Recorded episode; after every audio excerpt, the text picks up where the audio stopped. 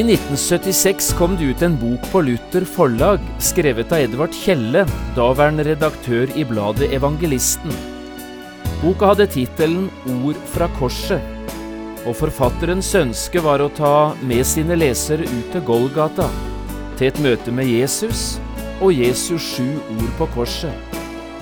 Det er denne boka som har gitt overskrift også til denne programserien, Ord fra korset.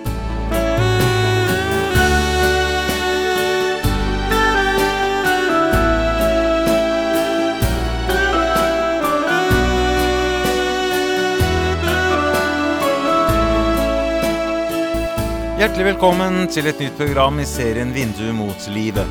Programmet er produsert av Kristen Riksradio og blir ledet av Jon Hardang.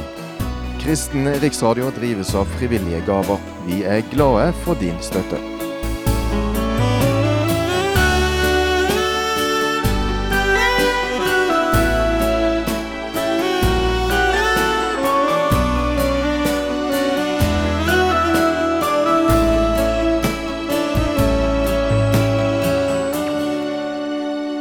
Vi starter i dag en ny programserie som vi har kalt Ord fra korset.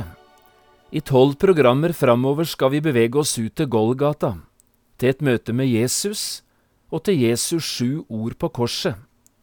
De kanskje aller viktigste ordene som noen gang er uttalt i vår tilværelse. Det meste av det Bibelen forteller oss fra Golgata, er knyttet til disse ordene som Jesus uttalte like før sin død. Og det er altså dette vi nå skal se på i programmene framover. Du kan få kjøpt hele programserien på CD ved å henvende deg til oss i P7. Vi begynner i dag med å lese fra Lukas evangeliet, fra kapittel 23, og vi skal lese versene 32 til 38. Jeg har kalt dagens program Jesu sju ord på korset. Også to andre To ugjerningsmenn ble ført bort med Jesus for å henrettes, og de kom til det stedet som kalles Hodeskallen. Der korsfestet de ham og ugjerningsmennene, den ene på hans høyre, den andre på hans venstre side. Men Jesus sa, Far, forlat dem, for de vet ikke hva de gjør. Og de delte hans klær mellom seg, og kastet lodd om dem. Folket sto og så på, men rådsherrene spottet ham og sa, Andre har han frelst, la ham nå frelse seg selv, dersom han er Messias, Guds utvalgte. Også soldatene hånet ham. De kom bort til ham og rakte ham eddik, og de sa, Er du jødenes konge, så frels deg selv. Det var også satt en innskrift over ham. Dette er jødenes konge.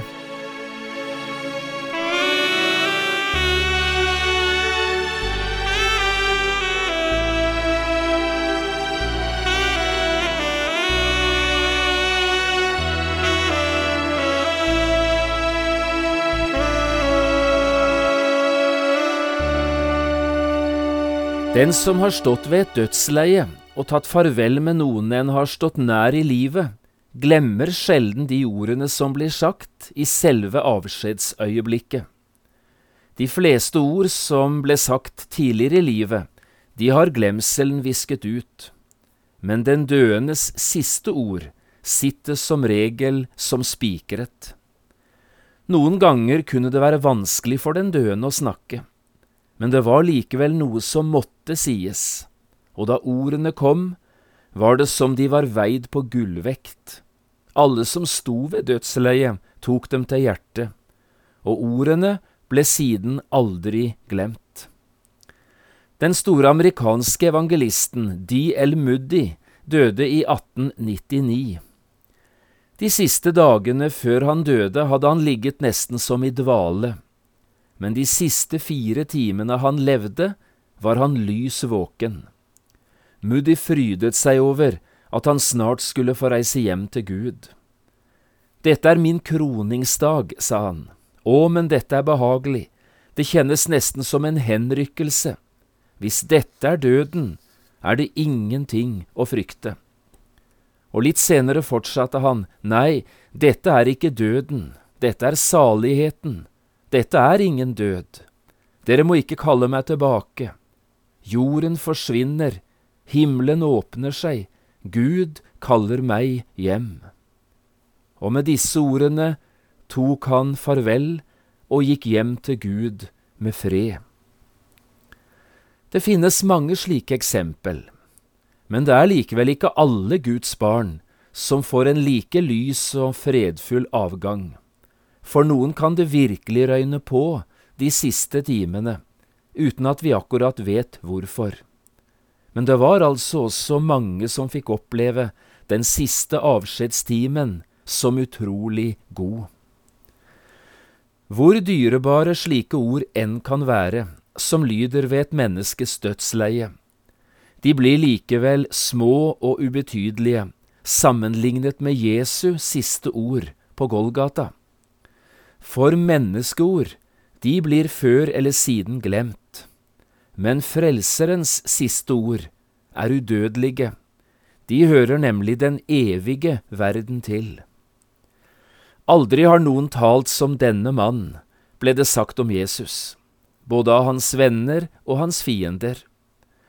Og dette gjaldt ikke bare hans store taler, da han mer enn en gang sto fram foran folkemengdene og åpnet Guds rikes hemmeligheter for dem.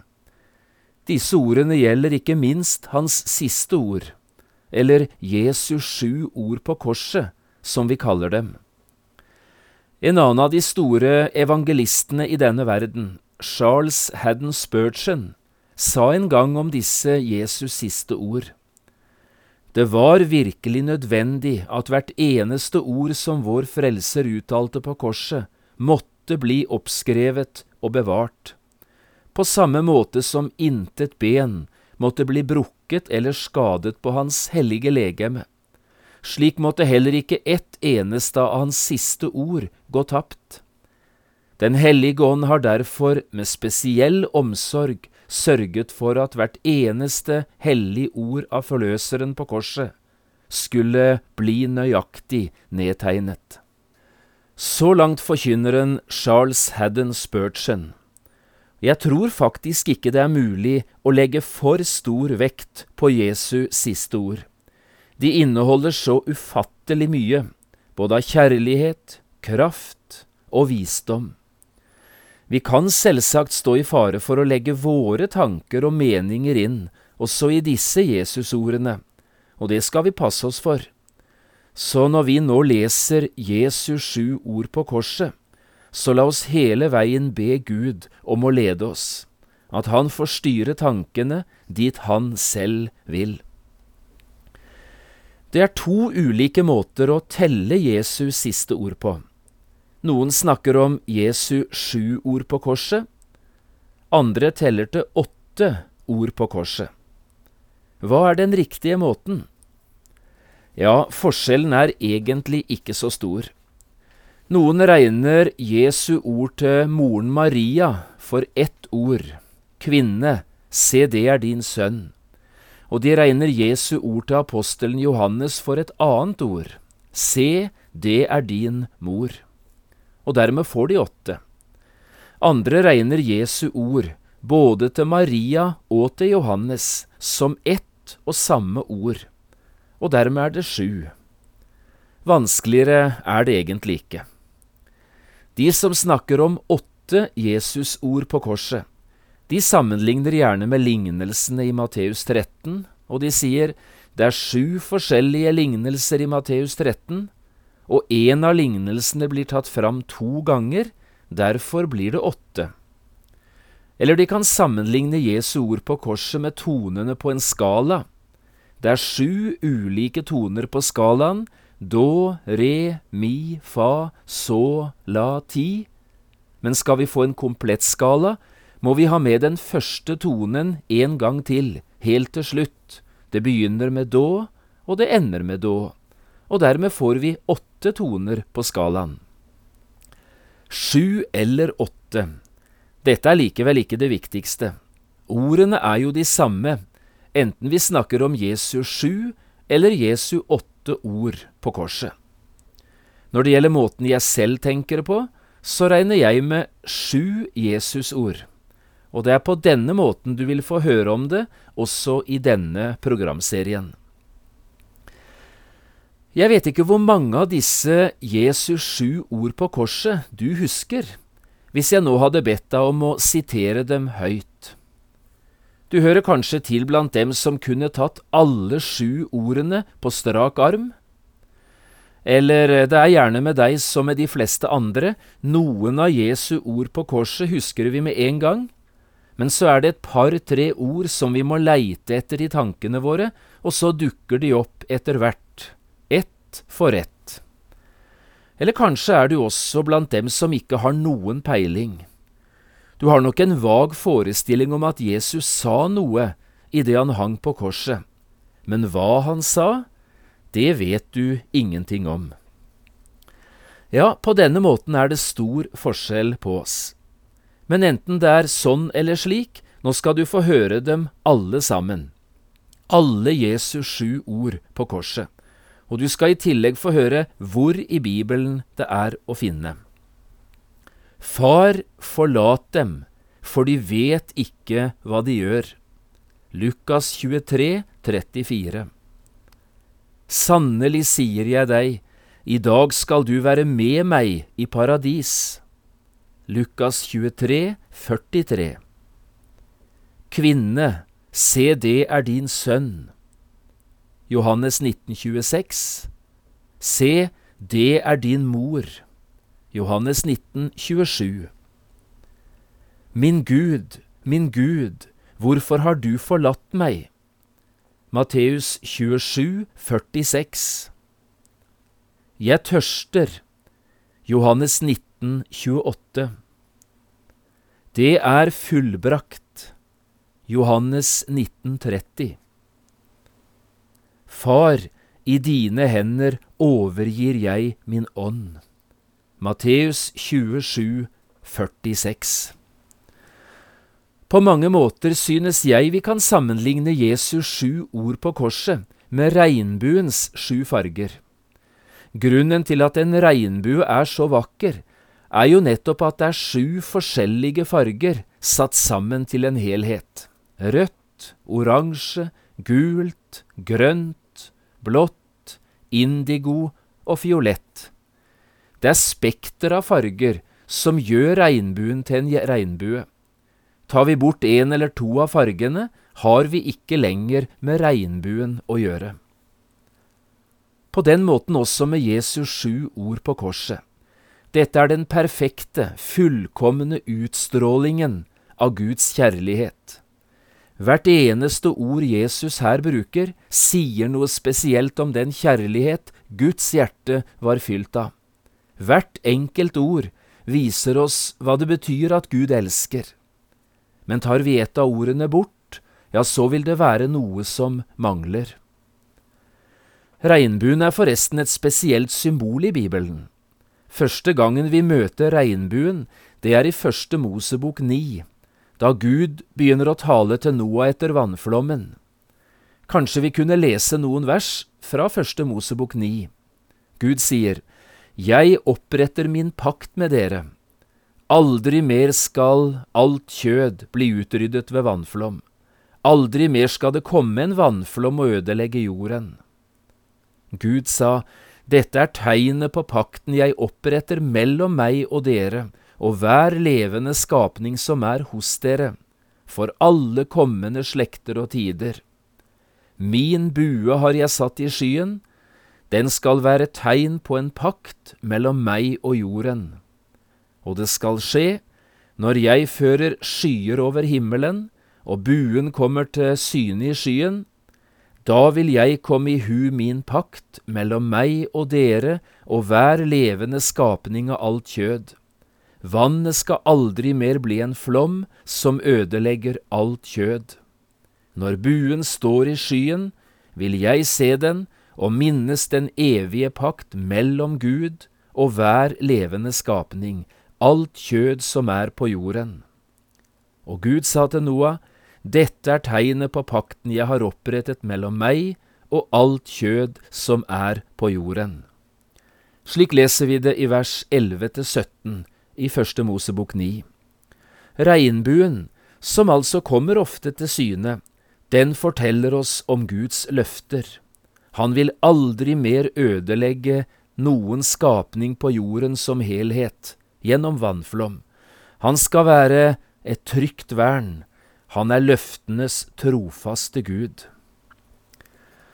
Og nøyaktig på samme måten som vi møter regnbuen i Bibelens første bok, så møter vi den også i Bibelens siste bok, altså i Johannes' åpenbaring. Her er apostelen Johannes på øya Patmos og får se inn i selve himmelen, inn i Guds tronsal. Han skriver, Og se, en trone var satt i himmelen, og det satt en på tronen. Han som satt der, var å se til som jaspissten og sardersten, og rundt tronen var det en regnbue, som en smaragd å se til. Det er altså den evige Guds trone Johannes ser, og igjen ser vi regnbuen, symbolet på Guds trofasthet og på Guds usvikelige løfter. Men også her, ute på Golgata, er det som vi ser en regnbue, i Jesus sju ord på korset.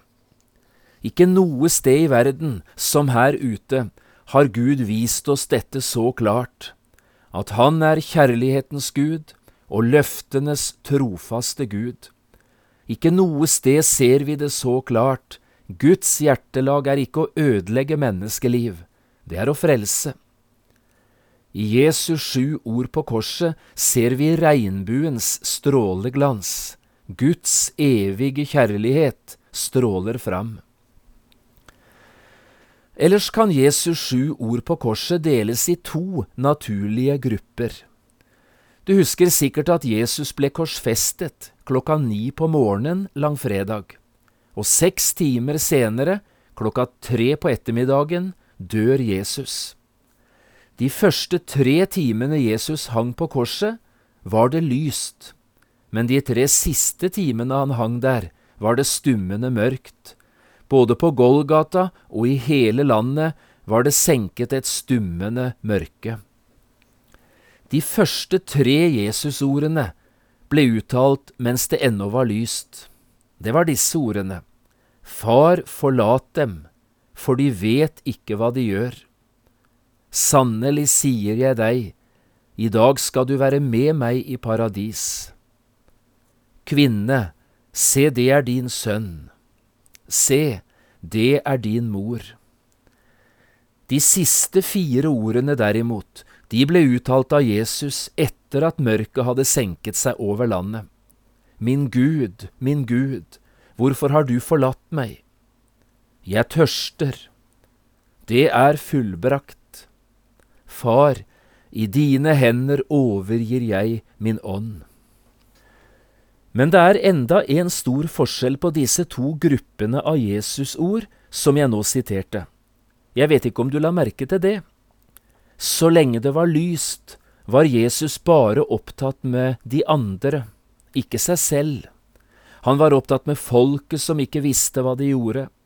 Maria, moren, og Johannes og det nye forholdet mellom dem, og så røveren, han som ble tatt med til paradis. Men etter at mørket hadde senket seg, da var Jesus opptatt med sin egen smerte, med alt det han selv hadde å stri med, kampen, tørsten og døden.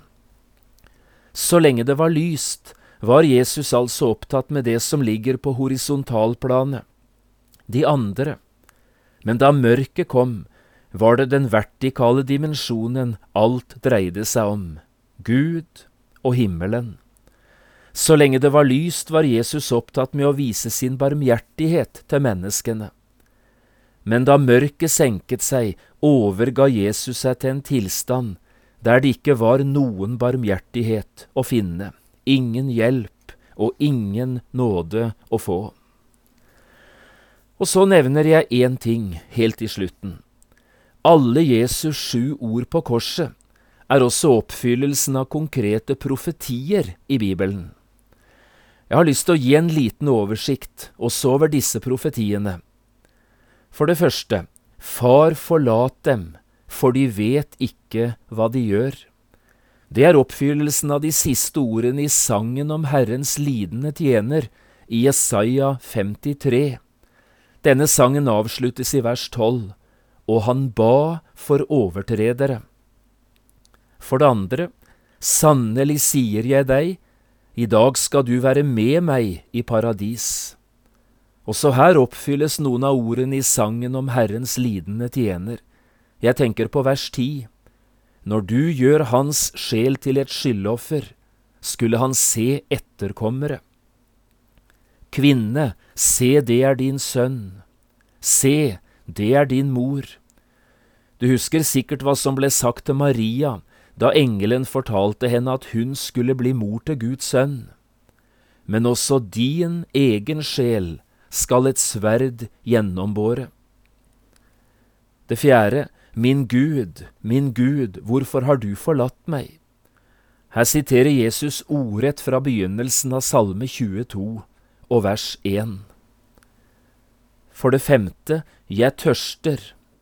Det henspeiler til Salme 69, 22. De ga meg galle å ete, og for min tørst ga de meg eddik å drikke. Og så det nest siste, det er fullbrakt. Også her knytter Jesus ordene til Salme 22, men nå det aller siste i denne salmen, vers 32. De skal komme og kunngjøre Hans rettferdighet for det folk som blir født, at Han har gjort det.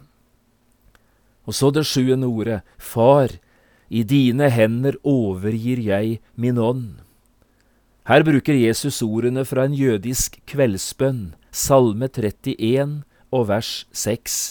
I din hånd overgir jeg min ånd, du forløser meg, Herre, du trofaste Gud. Det er altså ikke tilfeldighetene som rår her ute på Golgata. Det er Guds store frelsesverk som gjennomføres, planlagt av Gud selv fra evigheta, og varslet i detalj av Guds mange profeter. Så hadde jeg altså lyst til at vi skulle stå her ved Jesu kors i dagene framover, og virkelig prøve å lytte til det Jesus her har å si, og kanskje vi til og med kunne få tak i litt av det som skjer. Jeg tror et enkelt sangvers kan fortelle oss så fint hva vi har i vente. Ved korsets fot hos Jesus, jeg vil så gjerne stå der finner jeg en klippegrunn som jeg kan bygge på. Der er et hjem i villsom ein, en stille, sikker havn.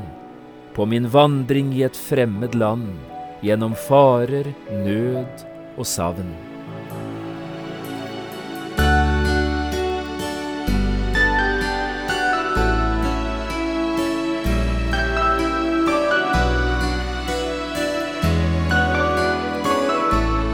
Du har hørt på et program fra serien Vindu mot livet med John Hardang.